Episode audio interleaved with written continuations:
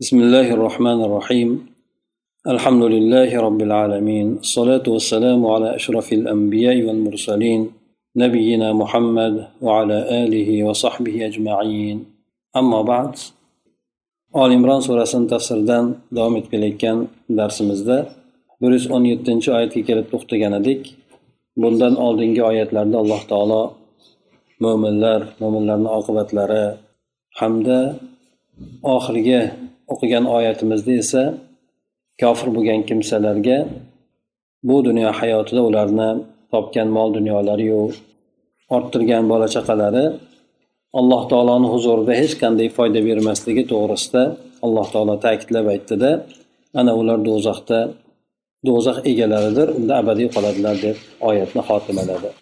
Ana o'shandan keyin bir yuz o'n yettinchi oyatni مثل ما ينفقون في هذه الحياة الدنيا كمثل ريح فيها سر أصابت حرث قوم ظلموا أنفسهم فأهلكت وما ظلمهم الله ولكن أنفسهم يظلمون deb alloh taolo bu oyatni aytadi ya'ni kofirlarni haqiqatan ularni mol dunyolari bu dunyoda ham oxirat tugul shu dunyoni o'zida ham foyda bermasligi to'g'risida alloh taolo mana bu oyat karimada misol tariqasida keltirib o'tyapti. Demak yuqoridagi bo'lgan oyatda kofir bo'lgan kimsalar asosan ularni ishonadigan suyanadigan narsalari mol dunyolari hamda ba'zi joylarda o'sha qabilani yoki farzandlarni ko'pligi bo'lgan. Ana o'sha narsalar bulardan hech narsani foyda bermaydigan bo'lsa misol tariqasida mana aytadiki ular ya'ni kofir bo'lgan kimsalar mana shu dunyo hayotida infoq etadigan narsalari. Dunyo hayotida ya'ni albatta ular oxiratni o'ylamagandan keyin dunyo hayotida o'zlarini manfaatlari uchun o'zlarini foydalari uchun infoq etadilar. Ana o'shalarni qiladigan infoqlari sarflaydigan mol dunyolari hammasi go'yoki bir sovuq shamoli bo'lgan bir bo'ronga o'xshaydiki bu bo'ron ya'ni bo'ron deganda juda yam qattiq bo'lgan sovuq shiddatli bo'lgan shamol bu bir qavm ekin ekkan. Bu ekindan foydalanmoqchi bo'lib demak ekin ekkan. Har qalay har qalay ekinni parvarishlab ancha yetishtirgan. Lekin ana shunday bo'lib turgan paytida endi mevasini olamiz o'sha mevasidan foydalanamiz deb xursand bo'lib turgan paytida bularga o'sha qattiq bo'lgan sovuq sovuq qattiq bo'lgan shamol esatda o'sha ekinlariga tegib turib ekinlarini halok qilib yuboradi. Bu qavm esa o'zlariga o'zlari zulm qilgan ya'ni zulm qilganligini sababi alloh taoloni aytganlarini qilmaganligi hamda o'zlarini uqubatlariga loyiq bo'ladigan ishlarni qilganligi sababli o'zlariga o'zlari zulm qildi deydi.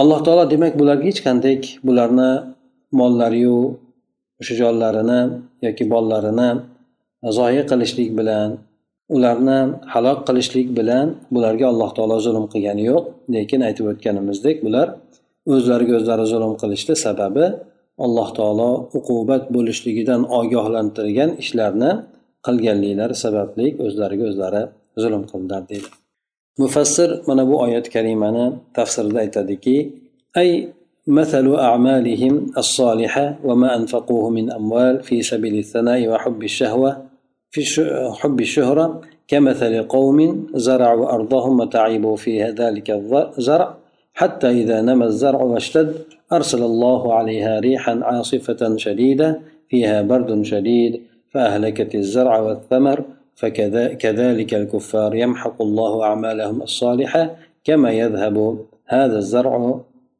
ويحترق. bu yerda bu oyatda alloh taolo ularni qilib o'tgan yaxshi amallariga bir misol keltiryapti. Va infoq qilgan mollari bo'lsin. Bu albatta aytib o'tganimizdek bular mol dunyolarini oxirat uchun yoki xudo uchun emas balki o'zlarini maqtov yo'llarida shuhratga erishishlik yo'llarida sarflashgan bo'ladi. Shunday sarflagan mollari esa bularga shamol kelgandan keyin xuddi go'yoki bu yerda misol keltirib aytgandek ular ekin yerlarga ekin ekishganda o'sha ekin borasida judayam horib charchashgan ya'ni ancha mashaqqat chekishgan o'shani parvarishlab yetishtirishlikda. Hatto endi ekini o'sib ulg'ayib bir poyalari qattiq bo'lib endi mevaga kiradigan paytida alloh taolo ularga judayam qattiq bir bo'ron shamolni yuboradiki bunda judayam qattiq bir shiddatli sovuq ham bo'ladi. Ana o'sha ularni ekinlarini ham mevalarini ham halok qilib yuboradi ya'ni payhon qilib yuboradi. Shuningdek mana kofirlarni alloh taolo qilib o'tgan yaxshi amallarini shunday o'chirib tashlaydi. Xuddi bu ekin ketib e, yonib yonib ketgandek deydi. Demak bu oyat karima avvalo inson dunyo bilan g'ururlanmasligiga bunda oyatda ishora bor. Har qancha mana e, kofirlarni aytganda mana bilamizki kofirlar asosiy shu hayoti dunyoligi bo'lganligi uchun boylik yig'ishlikka judayam haris asosan ular o'sha boyliklarini o'ylashadi. Nima bo'ladigan bo'lsa ko'p narsani boyligimiz hal qilib beradi deb o'ylaydi. Lekin alloh taolo bu o'rinda aytdiki ularni topadigan dunyolari mana shu dunyoda qoladi. Ularni oxiratgacha hech qanday ular uchun ajru savob bo'lmaydi. Yana undan tashqari inson alloh taoloni qudratidan qudratiga iymon keltirishligi. Har qancha inson mol dunyoga ega bo'lmasin alloh taoloni qudratini oldida u narsa hech narsa emas ekan. yana inson ehtiyot bo'lishlik kerakki inson sarflaydigan mol dunyolari agar dunyo yo'lida ketadigan bo'lsa undan oxiratda hech qanaqangi manfaat ololmas ekan yana mufassir aytadiki ya'ni ular alloh taolo ularga zulm qilgani yo'q ular esa o'zlariga o'zlari zulm qildi degan oyatni tafsirida أي وما ظلمهم الله بإهلاك زرعهم وضياع نفقاتهم ولكنهم ظلموا أنفسهم بارتكاب ما يستوجب العقاب alloh taolo ularni ziroatlarini ekinlarini halok qilishlik bilan nafaqa mol dunyolarini zoya qilishlik bilan ularga zulm qilgani yo'q lekin ular alloh taoloni shu uqubatiga uqubatini lozim tutadigan narsani qilib qo'yganliklari sababli o'zlariga o'zlari zulm qildilar deb aytib o'tadi demak alloh taoloni qaytargan narsalarni qilishlik insonni o'sha uqubatga giriftor qilib qo'yar ekan Undan keyingi oyatda ey amanu la tattakhidhu bitonatan min dunikum la ya'lunakum khabala waddu ma anittum ya'ni mufassir aytadiki bu yerda ay la tattakhidhu ya ma'sharal mu'minin المنافقين أحبابا وأصدقاء تودونهم وتطلعونهم على أسراركم وتجعلونهم أولياء لكم من دون المؤمنين شبههم بالبطانة للثوب لأنهم ala demak mana bu oyat kalimada alloh taolo kofirlarni asli qiladigan ishlari habata bo'lib ketganliklari ya'ni yuqoridagi bo'lgan oyatlarda kofirlarni mo'minlarga dushmanligi to'g'risida aytib o'tgandan keyin mana xulosasi esa bu yerda aytib o'tadiki ey iymon iymon keltirgan kimsalar sizlar o'zinglardan boshqalarni o'zinglarga sirdosh qilolmanglar dedi. O'zinglardan boshqalar ya'ni bu kofirlar bo'lsin yoki munofiqlar bo'lsin. Ko'proq inson munofiqlarga aldanib qoladi ba'zan esa kofirlarni ham sirdosh bo'lishligi mumkin. La ular sizlarga ozor berishlikda sizlarga buzg'unchilik qilishlikda hech narsasini ayamaydilar deb alloh taolo aytadi. Bundan tashqari esa sizlarni ular qiyinchilik totishliginglarni qiyinchilikda bir musibatda yoki bo'lmasa aytaylik mashaqqatda bo'lib hech ham bir ko'ngillar e, ko'karmasligi e, shunaqa narsalarni ular yaxshi ko'radilar deb aytib qo'yyapti. Demak bu yerdagi oyatda kelgan xabar nafaqat payg'ambar sallallohu alayhi vasallamni davriga tegishli balki bu davom etadigan qiyomatgacha bo'ladigan holatdir. Shuning uchun alloh taolo demak mo'minlarni o'zlari mo'minlarni o'zlari mana quyidagi bo'lgan oyatdan undan keyin keladigan oyatlarda ham ularni holatlaridan ba'zilarini zikr qilib o'tadi. Bu yerda esa bilaylikki alloh taolo iymon keltirgan kimsalar deb turib alloh taolo xitob qiladi. Demak bu amal insonni iymoniga tegishli bo'lgan narsa. Bunda kamchilikka yo'l qo'yishlik insonni iymonidagi nuqsonga dalolat qiladi. Bu ularni o'zlariga sirdosh qilishlikdan qaytarishlikni insonlarga katta zararlari bor. Bu mo'minlarni qiladigan xatoliklari shuning uchun ko'p o'rinlarda qachoniki bularni o'zlariga sirdosh qilib olgan o'rinlarda musulmonlarga ko'p kamchiliklari yoki bo'lmasa ko'p xatoliklari dushmanlarni qo'liga oshkor bo'lib ya'ni o'tib ketib qolgan. Ana o'shandan ham alloh taolo mo'minlarga o'zinglardan boshqalarni dedi. Demak kim bo'lishidan qat'iy nazar? Ha bu munofiqlarmi kofirlarmi turli tuman o'sha kimsalarni hammasini o'zinglarga sirdosh qilib olmanglar deb aytdi. Bitona deganda ma'nosi bu inson sirdosh qilib olishligi maslahatgo'y qilib olishligi chunki ularni hammasi ham insonga yaxshi maslahat bermaydi. Undan tashqari aslida kufrni yuqorida aytib o'tgan oyatda ham demak ular mana shu dunyo manfaatini o'ylab ish qiladi oxiratni emas. Mufassir aytib o'tadiki ey mo'minlar sizlar munofiqlarni o'zinglarga do'st mahbub odam qilib olmanglar bularga keyin o'zinglarni juda yaqin tutasizlarda siringlardan oshkor qilib qo'yasizlar ya'ni siringlarga xabardor qilib qo'yasizlar. Ya'ni albatta inson yaqin do'sti bo'lgandan keyin bir odamni yaqin o'ziga olib yurgandan keyin unga ancha muncha sirlarni aytib qo'yadi. Xosatan bu yerda mo'minlar deganda inson o'zi bilan boshqani o'rtasidagi bo'lgan sirlar emas bu yerda. Chunki u narsa hech qancha zarar keltirmasligi mumkin keltirsa ham bir shaxs o'ziga keltirishligi mumkin. Lekin davlat miqyosida insonlar aytaylik e, mansabdor shaxslarni munofiqlardan yoki boshqalardan oladigan bo'lsa bunda katta bir zararlar kelishligi mumkin. Shuning uchun umar roziyallohu anhu abu muso ashar roziyallohu anhuga qattiq tanbeh bergan orada u kishi e, nasorolardan bo'lgan kotibni olganligi uchun ya'ni yozuvchi bo'ladi. Nasorolardan shuni o'zini nimasida devonida ishlatayotgan bo'ladi. Umar roziyallohu anhu kishiga abu musoga maktub yozib aytadiki ya'ni bu o'sha kotib o'ldi endi choringni ko'raver deganda. Ya'ni boshqa musulmonlardan topmadingmi bu kotib o'ldi deb faraz qilaylik. Ya'ni nima qilasan? Ya'ni yo'q odam istab topasanku demak bu odamni yo'q qilganda boshqa odamni olgan. Go'yoki u odam masalan masalan tasodifan bo'libdi o'ldi deb tasavvur qilaylik nima qilasan endi deydi. Bundan boshqa yo'q desang bu bo'ldi o'ldi nima qilasan? Demak o'shani chorani hozir ko'rgin. Ya'ni uni chetlatgin deb aytadi. Ya'ni bu o'sha u kishi voliy bo'ladi voliyni kotibi o'sha xristianlardan bo'lishligini qattiq tanbeh beradi. Qobala ya'ni ular sizlarga ziyon zahmat yetkazishlikda hech narsani ayamaydilar deb aytib o'tyapti. Sizlarga ozor berishlikda sizlarga buzg'unchilik qilishida ular hech ham kamchilikka yo'l qo'ymaydi. Ya'ni butun jiddiy jahdi bilan harakat qilishadi. Bu narsalarni esa inson tarixda agar qaraydigan bo'lsa juda yam ko'plab uchratishligi mumkin yaqin uzoq tarixlarda ham. Ay تمنى هؤلاء الأعداء لكم ما يوقعكم في المشقة والضرر الشديد bundan tashqari o'zi aslida ular o'zlari sizlarga zarar berishlikni ham xohlaydi mabodo sizlarga biron bir qiyinchilik yoki mashaqqat shunga o'xshagan narsalar yetib qoladigan bo'lsa ularni orzusi shu narsa ya'ni bu dushmanlarni sizlarga nima qiladigan umid qiladigan narsasi shuki sizlarni mashaqqatga solib qo'yishlik yoki bo'lmasa qattiq zararlarga solib qo'yishlik bo'ladi buni mana mustamlakachilarda agar qilib qancha bo'lgan hujumlardagi musulmonlarda qilgan ishlarini ko'radigan bo'lsak musulmonlarga iloji boricha iloji boricha qiyinchilik tug'dirishlik hamma sohada shunaqa narsa ularni asosiy ishlaridan biri bo'lgan قد بدت البغضاء من أفواههم وما تخفي صدورهم أكبر قد بينا لكم الآيات إن كنتم تعقلون أي قد ظهرت أمارات العداوة لكم على ألسنتهم وما يبطنونه لكم من البغضاء في قلوبهم أكبر مما يظهرونه وقد وضحنا لكم يا معشر المؤمنين في كتابنا العزيز ما ينبغي أن تفعلوه مع أعدائكم إن كنتم أقلاء فلا تتخذوهم أولياء ana undan keyin yana alloh taolo aytadiki bularni nafrati sizlarga sizlarga nisbatan bo'ladigan nafrati mana og'izlaridan ko'rinib turibdi bularniki deydi Gaplaridan bularni sezilib bilinib turibdi sizlarni yomon ko'rishligi sizlarga bo'lgan jirkanishlik yoki nafrat qilishlik bo'lsa. Hali bularni dillarida yashirib turgan narsalar bundan judayam katta deydi. Ya'ni o'sha nafratlari judayam ortiq ularni qalbida turgani hali.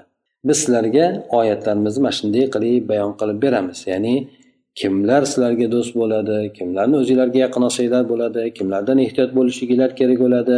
Mana shunaqa qilib oyatlar bilan sizlarni misollar bilan ham sizlarga bayon qilib o'tamiz agar aqlli bo'ladigan bo'lsalaringiz dedi. Demak aql bilan sizlar ish yuritinglar. Bu narsalarni sizlarga bekorga biz bayon qilib berayotganimiz yo'q. Aqlni yuritib ish qilinglar deb alloh taolo ko'rsatma beryapti endi mufassir aytib o'tadiki demak sizlarga bo'lgan adovat belgilari ularni tillarida ko'rinib bo'ldi. Endi ular ichida yashirib turgan qalblarida yashirib turgan nafratlar esa adovatlar esa oshkor qilayotgandan ham ko'ra kattaroqdir. Biz sizlarga ey mo'minlar jamoasi o'zimizni aziz bo'lgan kitobimizda dushmaninglar bilan nima qilishliginglar lozim bo'lishligini bayon qilib o'tdik. Agar siz aql sizlar aqlli bo'ladigan bo'lsalaringiz ularni hargiz do'st qilib olmanglar deb aytadi. Ya'ni ularni ba'zan endi bu yerda albatta dushmanlarni hammasi bir xil emas kofirlarni hammasi ham bir xil emas ba'zilari aytib qur'onda tasvirlangandek suratda ya'ni juda ham adovat qattiq ba'zilari o'rtamiyona bo'lishi mumkin yoki unchalik ishi bo'lmaydigan bo'lishi mumkin lekin baribir nima bo'lgan taqdirda ham oxir oqibat musulmonlar tarafdori bo'lmaydi ko'pincha baribir o'zlarini kofirlar tarafdori bo'lib ketadi ها أنتم أولئك تحبونهم ولا يحبونكم وتؤمنون بالكتاب كله وإذا لقوكم قالوا آمنا وإذا خلوا عضوا عليكم الأنامل قل من الغيظ قل موتوا بغيظكم إن الله عليم بذات الصدور آية mana undan keyin yana alloh taolo bu kofir bo'lgan ya'ni musulmonlarga yaqin bo'lgan munofiqlar haqida alloh taolo ularni yana ham yaqinroq tanishtirib aytib o'tadiki sizlar o'zi masalan kofirlarni munofiqlarni sizlar yaxshi ko'rasizlar. Ular esa sizlarni yaxshi ko'rmaydi. Sizlar ularni ya'ni mo'min odamda aytaylik boshqa odamlarga ham iloji boricha yaxshilikni yaxshi ko'radi yaxshi muomala qilishlikni yaxshi ko'radi din ta'limoti ham shunday. Birovga agar nima bo'ladigan bo'lsa hattoki dushman bo'ladigan bo'lsa ham yengilroq bo'lgan chiroyliroq bo'lgan muomalani qilishlikka harakat qiladi. Lekin bilib qo'yinglar sizlar ming ularni yaxshi ko'rganinglar bilan ular sizlarni yaxshi ko'rmaydi. Sizlar ularni demak o'sha o'zinglarga sirdosh qilib olmanglar yaxshi ko'rib turib. Baribir ular sizlarni yaxshi ko'rmaydi. Sizlar kitobni hammasiga iymon keltirasizlar. Qur'onga hammasiga iymon keltirasizlar lekin ular nima qiladi? Sizlar bilan yo'liqadigan bo'lsa biz iymon keltirdik deb og'izlari bilan aytishadiyu lekin xoli bo'ladigan bo'lsa g'azabdan barmoqlarini tishlashadi. Ya'ni sizlarga achchiq g'azab kelganligidan barmoqlarini tishlaydi deb aytadi. Mufassir ham aytadi aytadiki ey e, mo'minlar jamoasi sizlar ularni do'st qilib olishlikda o'zinglarga yaqin odam qilib olishlikda ya'ni munofiqlarni ham hattoki kofirlar tugul munofiqligi bilingan odamlarni ham o'zinglarga demak e, yaqin odam qilib olishlikda xato qiluvchisizlar. Agar shunday qiladigan bo'lsanglar sizlar xato qilgan bo'lasizlar. Sizlar ularni yaxshi ko'rasizlaru lekin ular sizlarni ham yaxshi ko'rmaydi. Sizlar ular uchun yaxshilik foydani xohlaysizlar ular esa sizlar uchun yomonlik zarar bo'lishligini xohlaydi. Sizlar alloh taolo tomonidan nozil qilingan kitoblarga iymon keltirasizlaru ular sizlarni diniylarga ham qur'oniylarga ham iymon keltirmaydi. Agar ular sizlarni ko'rib qoladigan bo'lsa oldinglarda iymonni izhor qiladi davo qiladi. Sizlarni aldab munofiqlik qilib ikki yuzlamachilik qilib iymon haqida gapirishadi din haqida gapirishadi. Agar ular yolg'iz bo'lib qoladigan bo'lsalar ya'ni sizlardan xoli bo'lib qoladigan bo'lsalar aytib o'tganimizdek g'azabdan barmoqlarini tishlaydi hab senlardimi deb haligi qo'ldan minasi kelmayotganligi uchun. Chunki bu oyatlar zikr qilingan paytda musulmonlar quvvatli qudratli davlatga ega ham bo'lgan har qalay. Musulmonlarda kuch bo'lgan munofiqlar esa munofiqligini oshkor qilolmagan. Hm?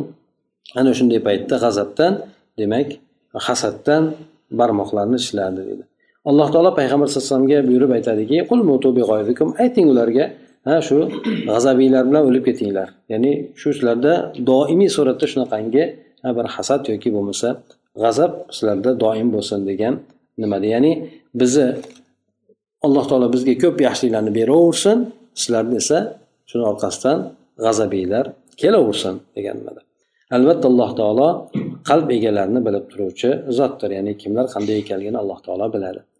Mufassir aytadiki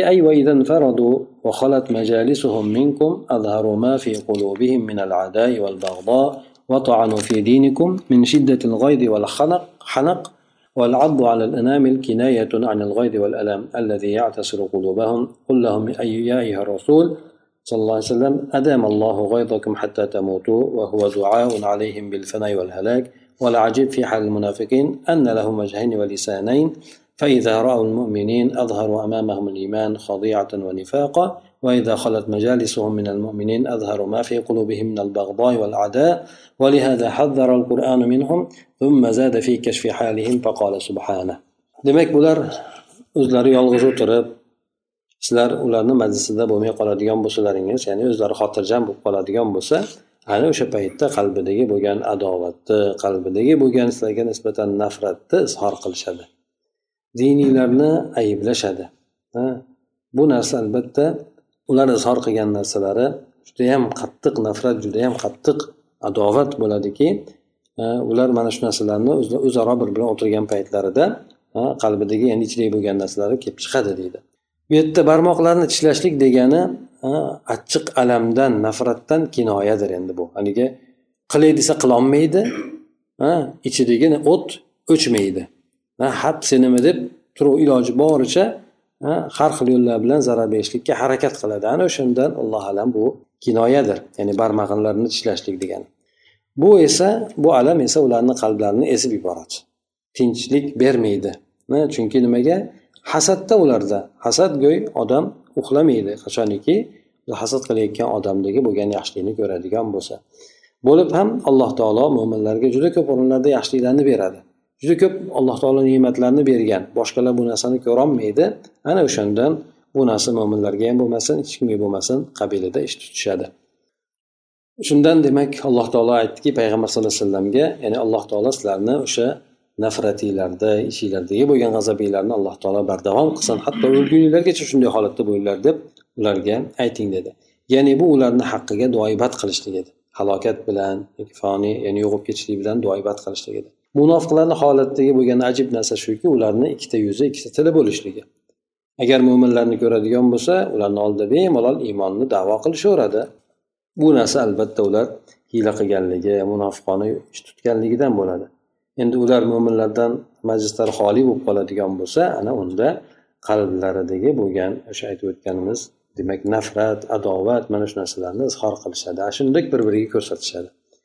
Shuning uchun qur'oni karim buni ogohlantirgan qur'oni karim ulardan ogohlantirdi hamda ularni holatlarini ochib berishlikda ziyoda qildi. Payg'ambar sallallohu alayhi vasallam davrlarida mana bir necha qissalar bor qur'onda hadisda kelgan. O'sha borada oyatlar ham nozil bo'lgan. Qachoniki bo'lmasa aytaylik bu yerda risolat davri bo'lsa mo'jizalar sodir bo'lib turgan bo'lsa alloh taolo ne'matlari o'sha ya'ni mo'min odamlar shunday ko'radigan suratda alloh taolo juda ko'p mo'jizalar ne'matlari nozil bo'lib turgan bo'lsa ana shunday bo'lib turgan o'rinda ham ya'ni mo'minlar ularga hech qanaqangi bir yomonlik ham qilgani yo'q. Shunday bo'lgan o'rinda munofiqlar o'zaro bir biri bilan o'tirishligida payg'ambar sallallohu alayhi vasallam sahobalarni masxara qilishlik bo'ladimi? Ularga har xil yomon narsalarni til biriktirishlik bo'ladimi? Yoki bo'lmasa aytaylik dushmanlarni ularga gijgijlashlik bo'ladimi? Ya'ni hech qanaqangi mo'minlar tomonidan ular yomonlik ko'rgani yo'q. Shunday bo'lsa ham ya'ni qalbidagi bo'lgan nafrati o'sha dinni rivojlanishligini yoki bo'lmasa boshqalar o'zlaridan ko'ra afzalroq bo'lishligini xohlamasligi oqibatida bo'ladi. Ana buni qissalari qancha qancha qissalari bor? Ya'ni o'zaro o'tirgan gap o'tirgan paytlarida ya'ni zaif iymonli bo'lgan kimsalar yoki munofiqlarga quloq tutadigan kimsalar ham o'shanga qo'shilib ketib qolishardi. Munofiqlarni o'zaro gaplarni o'rtasida bo'ladigan juda qattiq yomon bo'lgan gaplarda bularni yana misol keltirib aytib o'tadiki alloh taolo bularni holatlarini bizga bir necha misollar bilan keltirib o'tyapti. Yana misollardan bittasi bularni sizlarda yomon ko'rishligini adovat qattiq ekanligini ichlariga tutib qo'ygan narsalari judayam qattiq ekanligini misolda aytadiki وإن تصبكم سيئة يفرحوا بها وإن تصبروا وتتقوا لا يضركم كيدهم شيئا إن الله بما يعملون محيط ya'ni agar sizlarga biron bir yaxshilik yetib qoladigan bo'lsa biron bir yaxshilik ya'ni katta yaxshilik ham demadi ya'ni biron bir yaxshilik yetib qoladigan bo'lsa shu ham ularni qayg'uga solib qo'yadi shu narsa ularga yomon ta'sir qiladi jinday bir oshcha bir xursandchilik bo'lib qoladigan bo'lsa Xuddi shuningdek biron bir musibat yoki yomonlik qiyinchilik yetib qoladigan bo'lsa u bilan rosa xursand bo'lishadi. Demak alloh taolo ularni qay darajaga borganligini ifoda qilyapti. Ya'ni adovat ham aytaylik sizlarga zarar beradigan yaxshilik ham demadi. Ha sizlarni ustinglardan g'alaba degan narsani ham aytmadi ya'ni bironta bir yaxshilik yetib qolsa.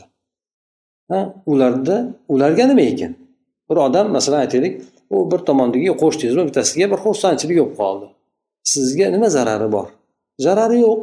Faqatgina u hasad u odamni ko'rolmaganligingizdan demak bu yerda sizga yomon ta'sir qiladi. Shuning uchun bu yerda qur'oni karimda aytib qo'yyaptiki biron bir yaxshilik yetadigan bo'lsa ham mabodo bu ularni yomon holatga solib qo'yadi. Yoki biron bir qiyinchilik yetadigan bo'lsa ha? Aytaylik ehtimol uni foydasi yo'qdir uni u odamni. Baribir sizga yomonlik yetishligini o'zi uni xursand qiladi deyapti. Bu demak o'sha munofiqlarni holati to'g'risida bayon qilinyapti. Endi bunday bo'lgan holatda nima qilasizlar? Ularga nisbatan qanday yo'l tutasizlar? Qanday qilsanglar ulardan g'olib bo'lasizlar yoki bo'lmasa ularni hiyla nayrangi sizlarga ta'sir qilmaydi. Alloh taolo aytadiki agar siz sabr qilsanglar ollohni dinida o'sha da'vat yo'lida olloh aytgan narsalarni ado etishlik qaytargan narsalardan tiyilishlik mana shunaqa narsalarni ustida sabr qilsanglar hamda o'sha ishinglarda harakatda davom etadigan bo'lsanglar taqvo qilishlik demak o'sha ishda bardavom bo'lishlik o'sha alloh taolo ulardan talab qilgan ishlarni. Ha sabr qilib ya'ni davom etadigan bo'lsanglar harakatinglarda ularga parvo qilmagan holatda ularni hiyla nayranglari sizlarga hech narsada zarar bermaydi. Albatta alloh taolo ular qilayotgan hamma ishidan xabardor ya'ni alloh taolo xabardor bo'lishligi vahiy paytidagi bo'lgandan keyin payg'ambar alayhisalom ularni xabardor qilib turgan payg'ambar alayhissalomni hamda alloh taolo ularni har xil turli hiyla nayranglarini o'zi daf qilib turgan أي إن لكم شيء من الخصب والرخاء أو النصر والغنيمة ساءهم ذلك وأزعجهم وإن أصابتكم شدة أو هزيمة سرهم ذلك ففرحوا بما أصابكم وإن تصبروا على أداوتهم وتتقوا الله فتكفوا عن موالاتهم لا يضركم مكرهم وكيدهم شيئا. والله سبحانه عالم بما يدبرونه لكم من المكائد وسيصرف عنكم شرهم وأذاهم. بيت مفسر ايتادكي اگر سلرگا برام بر فراوانلیک کینچلیگ ایتیب قالادیمی یوکی بولمسا نصرت اولجلر کلیب قالادیمی بو نرسالرنی هممسی اولارگا یامان تاثیر قیلادی اولارنی قاتتیق بیوسوطا قیلادی agar u sizlarga bir qiyinchilik yoki chekinish yetib qoladigan bo'lsa bu narsa ularni juda yam xursand qilib yuboradi. Sizlarga yetgan narsalarga ular ham juda yam shod bo'lishadi. Hm? Endi sizlar ularni adovatiga sabr qilsanglar mahkam tursanglar ya'ni og'ib ketmasdan ularni gaplariga quloq solmasdan ya'ni toruzinglar qo'ltig'inglardan tushib harakatsiz bo'lib qolishlik bo'lib qolmaslikdan demak sabr qiladigan bo'lsalaringiz va yana alloh taolodan taqvoda davom etadigan bo'lsanglar alloh taolo yana davom etib ularni do'st tutishlikdan tiyiladigan bo'lsanglar ularni hiyla nayranglari biron narsada sizlarga zarar bermaydi deb alloh taolo aytib o'tadi. Demak mo'minlarga alloh taolo davoni ham aytib o'tdi bu yerda. Demak unday bo'lgan kimsalarga nisbatan ular bilan chalg'ib qolmasdan chunki payg'ambar sallallohu alayhi vasallam davrida ham ular bilan chalg'imadi ularni o'zlariga tashlab qo'ydi. Ular har xil narsalar chiqadigan bo'lsa ba'zi oshib ketgan o'rinlarda ularni qattiq bir yo jazolab yo boshqa qilib qo'ydi lekin ko'p o'rinlarda ularga payg'ambar sallallohu alayhi vasallam e'tibor bermadi. Demak mo'minlar ham agar iloji bo'ladigan bo'lsa shunday odamlar bo'ladigan bo'lsa ya'ni yo'q qilishi imkoni bo'lmagandan keyin sababi tashqi tomondan mo'minman deydi pistirmada bilintirmasdan mo'minlarga qarshi harakat qiladi. Ana shunday bo'lganligi uchun ham ularda ishonmaganingizdan keyin ularni jazololmaysiz payg'ambar sallallohu alayhi vasallam ham juda ko'p odamlarni munofiqligini bilar edi lekin ularni munofiqligini ustida ishonmardi shuning uchun faqatgina oyatlar ulardan ogohlantirib keldi xolos. Jazolab jazolashlikka buyurib emas. Ana o'shanda sizlar ham sabr qilib yana harakatda o'zinglar ularga chalg'imasdan harakatda davom etadigan bo'lsanglar ya'ni ularni o'zinglarga yaqin qilmaydigan bo'lsanglar alloh taolo sizlarni ularni makr hiylalardan saqlaydi deb aytib qo'ydi. Alloh subhanaa taolo ular qanday hiylani tadbir qiladigan bo'lsa bu narsalardan biladi xabardor ularni esa sizlar sizlardan ularni yomonliklarini ozorlarini alloh taolo o'zi burib tashlaydi. Qancha narsalarni payg'ambar alayhissalomdan burib yoki sahobalardan burib tashlagan وإذ غدوت من أهلك تبوئ المؤمنين مقاعد القتال والله سميع عليم أي اذكر أيها الرسول حين خرجت إلى غزوة أحد من منزل أهلك لتنزل المؤمنين وتهيئ لهم مواقف أماكن, القتال أماكن للقتال والله سميع لأقوالكم عليم بأحوالكم يعني alloh taolo o'sha yerda asosan bu o'rinlar uhud jangi bo'lishlik arafasida yoki bo'lmasa o'sha e, bo'lib o'tgan paytlarda bu oyatlar nozil bo'lgan. E, ya'ni o'sha o'sha paytdagi bo'lgan voqelikni xabarini beradi. Siz o'zingizni ahlingizdan ya'ni ahlingizdan oilangizdan yoki madinadan ma'lumki uhud jangiga musulmonlar tashqariga chiqishgan. Ya'ni maslahat bo'lgan oldin tanlov bo'lgan nima qilamiz? Tashqariga chiqib ularni o'sha yerda jang qilamizmi yoki bo'lmasa shaharga kirib kelgan paytida ularni kutib olamizmi jang bilan deganda yoshi katta bo'lgan odamlar shu yerga kelganda bir ular bilan jang qilamiz deydi madinaga bosib kelishaversin madinaga kirishda ularga qarshi olamiz deydi. Yoshlar aytadi yo'q biz tashqariga chiqib ularni o'sha tashqarida kutib olamiz ularni o'sha yerda deb o'rtada ikki xil gap bo'lib qoladi. Payg'ambar alayhissalom keyin keyin yoshlar ko'pchilik bo'lganligi uchun ularni gapiga quloq solib turib madinadan tashqariga uhud tog'ini e, tomoniga qarab yo'l oladi. O'sha oyat haqida o'sha holat haqida oyatda aytib o'tilyapti. Siz demak mo'minlarni e, uyingizdan chiqib o'sha mo'minlarni urush janglarini joylashtirishlik uchun ketayotgan paytingizni eslang deydi. Ya'ni payg'ambar sallallohu alayhi vasallam mo'minlarni o'sha uhud tog'ini oldiga olib borib u yerda kim qanday jang uchun tayyorgarlik ko'rib turadi shu narsalarni u yerda maslahat bilan musulmonlarni jangga tayyorlab qo'yilgan. O'sha oyatni bu yerda aytib o'tdi. Alloh taolo demak eshitib bilib turuvchi zot dedi. Demak mo'minni bu narsa esa mo'minlarni o'sha o'rtada bo'lgan gaplarni mahkam ushlashligi ya'ni jang maydoniga qo'yilgan paytida albatta ularga ko'p ta'limotlar beriladi ko'p ko'rsatmalar beriladi mahkam turishlik o'sha yerda jangni qattiq olib borishlik mana shu narsalarga mo'minlar tomonidan ham o'ziga yarasha ijobatlar bo'ladi. Shu narsalarni alloh taolo bir eslatib turib alloh taolo eshituvchi bo'lgan zot demak o'sha yerda bo'lgan gaplarni hammasidan xabardor hamma narsasini bilib turibdi ya'ni ko'zinglarni ochinglar. Kim qanday va'da bergan bo'lsa va'dasida mahkam tursin degan o'rinda mo'minlarni quvvatlab qo'yyapti. Yana bitta mufassir aytadiki ey payg'ambar sallallohu alayhi vasallam eslangki siz uyingizdan o'sha o'rt tomoniga qarab chiqqan paytingizda mo'minlarni jangga E, joylashtirib ularni o'sha jang uchun joylarni o'rinlarini tayyorlab berishlik uchun chiqqan paytingizni eslang deydi. Alloh taolo o'shanda sizlarni o'rtanglarda bo'lib o'tgan gaplarni eshitgan holatinglarni bilgan. O'sha voqea to'g'risida yana o'sha o'rtada bo'lgan gaplar to'g'risida ham alloh taolo aytib o'tadiki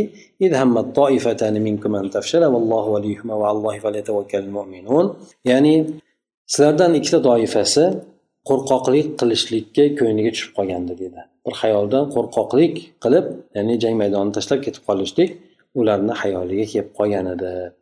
Alloh taolo ularni do'stidir ya'ni alloh taolo ularni ya'ni sobit qadam qilib o'sha yerda saqlab qoldi. Alloh alloh taologa mo'minlar tavakkul qilsinlar deb aytib o'tadi. Demak bu yerdagi voqea shunday bo'lgandiki aytib o'tganimizdek jangga chiqishlik yoki qolishlik o'sha madinada kutib olishlik to'g'risidagi ixtilofdan keyin ko'pchilik jangga uhud tomoniga chiqishlikka tarafdor bo'ladi. Payg'ambar alayhisalom ular bilan chiqib ketayotgan paytda abdulloh ibn ubay ibn salul ya'ni munofiqlarni kattasi yo'lda ketayotib turib askarni uchdan birini ortga tortib ketadi. Ya'ni bu ya'ni yosh bolalarni gapiga o'natdi biz kattalarni gapimizni olmadi deb turib o'zini qabilasini qavmini ya'ni qabilasini shunday orqaga olib ketadi. Ya'ni ular mo'minlar bu yerda ham aytib o'tadi mingga yaqin odam chiqayotgan edi jangga. Shunda uchdan bir odamni olib ketdi. Uch yuzga yaqin odamni olib ketdi. Shunda ba'zi olimlar aytadi keyin o'shalarni hammasi munofiq bo'lib ketgan deydi. O'sha uch yuzga yaqin odam ya'ni jangga chiqib ketayotgan paytida o'zi munofiqlarni ishi shuda. Ya'ni shuncha adovat bo'lgandan keyin ya'ni musulmonlarga g'alaba bo'lishini xohlamaydi. Rosa ham haligi ish qizg'in ketayotgan paytda shunday ishni o'ldirishlikka bular demak haris bo'ladi. Ya'ni shijoat bilan mingta odam ketayotgan bo'lsa ertadan uch yuzta odam ajrab ketadigan bo'lsa qolganlarni holati nima holatga tushadi? Tushkunlikka tushib qoladi. Ha? O'sha tushkunligini sababidan ikkita yana qabila sal qoladi ular ham madinaga qaytib ketib qolishlikka. Boshqa qabilalar. Abdulloh ibn ubayni qabilasidan boshqa yana madinadagi bo'lgan qabilalardan ikkitasi sal qoladiki bular ham o'sha qariydi ko'pchilik odam qaytib ketdi uch yuzta odam ham kam emas. Ha ya'ni xuddi go'yoki bir qaragan odamga askarni yarmi yoki ko'p qismi ketib qoldi degan narsa bo'ladida shundan qo'rqoqlik qilib biz ham ketib qolamiz degan narsa ularni ko'ngliga kelib qoladi. Lekin alloh taolo ularni mustahkam qiladi. Bu to'g'risida mana mufassir ham aytib o'tadiki ya'ni e, ikkita jamoa katta bo'lgan ansorlardan katta bo'lgan ikkita jamoa ham e, bular banu salama qabilasidan banu horisa qabilasi edi. Bu ikkalasi e, ya'ni sal qoldi bular ham ketib qolishlikka.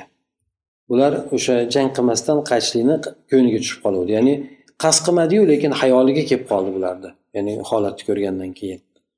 Alloh taolo esa ularni yordam e, yordam berguvchisi qo'llab quvvatlovchisi ishini boshqaruvchi bo'lgan zot alloh taoloni yolg'iz o'ziga mo'minlar hamma ishlarida hamma holatlarda suyansinlar dedi. Ya'ni nimaga suyansinlar dedi?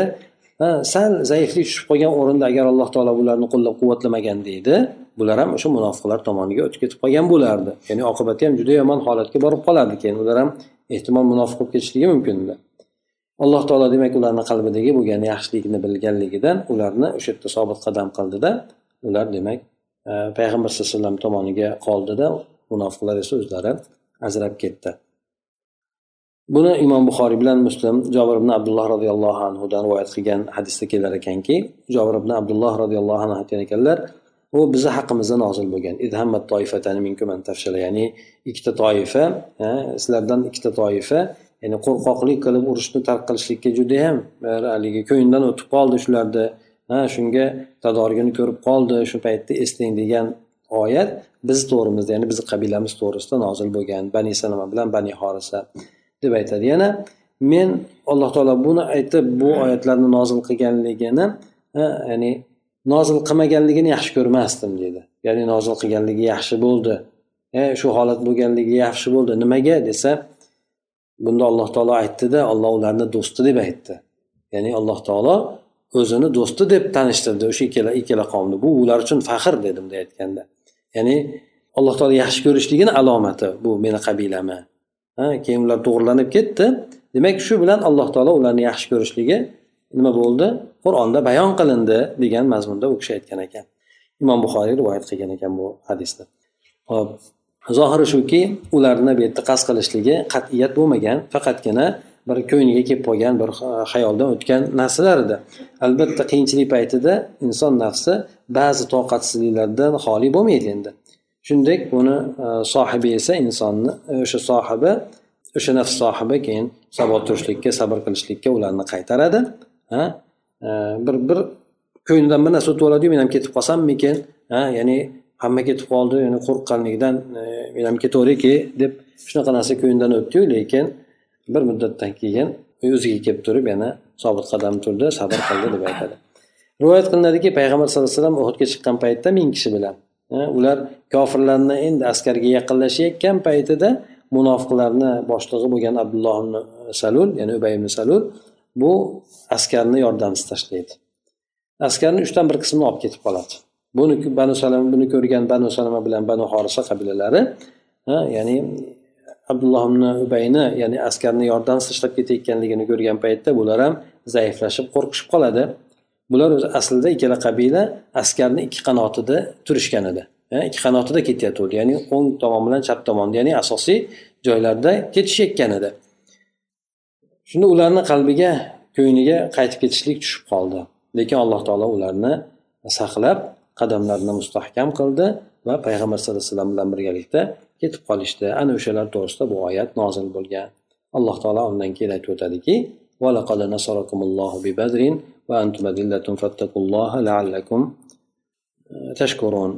ana undan keyin alloh taolo mo'minlarga ishora qilib aytadiki aslida uhudga ketayotgan odamlar ko'pchilik emas ozchilik. Lekin undan ham ozchilik bo'lgan paytida alloh taolo yordam bergan. Demak yordam berishlik odamni ketib qolishligi qolishligiga bog'liq emas. Balki alloh taoloni beradigan nusratiga bog'liq. Alloh taolo har qanday holatda insonga yordam berishligi mumkin deb mo'minlarni nimasini ko'nglini alloh taolo ancha ko'tardi. Bu yerda badrni eslatib o'tdi. Badrda mo'minlar kofirlardan ancha ozchilik edi bir tomondan e, tayyorgarligi ham zaif edi. O'zi aslida urush uchun ham chiqmagan edi. Shunday bo'lsada alloh taolo u yerda ularni sobit qadam qilib shu oz jamoaga yordam berdi nusratini berdi. Ha? Shunday ekan sizlar mahkam turib allohdan taqvo qilaveringlar. Shoyatki o'sha alloh taolo beradigan narsalarga endi shukurkillah alloh taolo sizlarga nusratlarini bersa deb aytib o'tadi. Ya'ni mufassir aytadiki ey mo'minlar jamoasi eslanglarki alloh taoloni sizlarga bergan katta ne'matini eslanglar u sizlarga badr jangida sizlarni sanog'inglar ham qurol yarog'inglar ham oz bo'lishi bilan birgalikda alloh taolo nusrat bergan edi sizlarga. Bilinglarki nusrat alloh taolo tomonidan xolos. Adadni sanoni ko'plik tomonidan ham emas. Sizlar shunday ekan robbilaringizga sizlarga bergan nusratga shukrona keltiringlar. Demak bu yerdagi va antumadillatun degan oyatdagi alloh taoloni so'zidan murod bu yerda sizlar ya'ni xor emas balki sanog'inglar oz bo'lgan paytda holatinglar juda zaif holatda edinglar lekin o'shanday bo'lsa ham alloh taolo sizlarga yordam berdi. U kunda badrdagi musulmonlarni adadi uch yuz o'n beshta bo'lgan mushuklarni adadi esa ming atrofida bo'lgandi.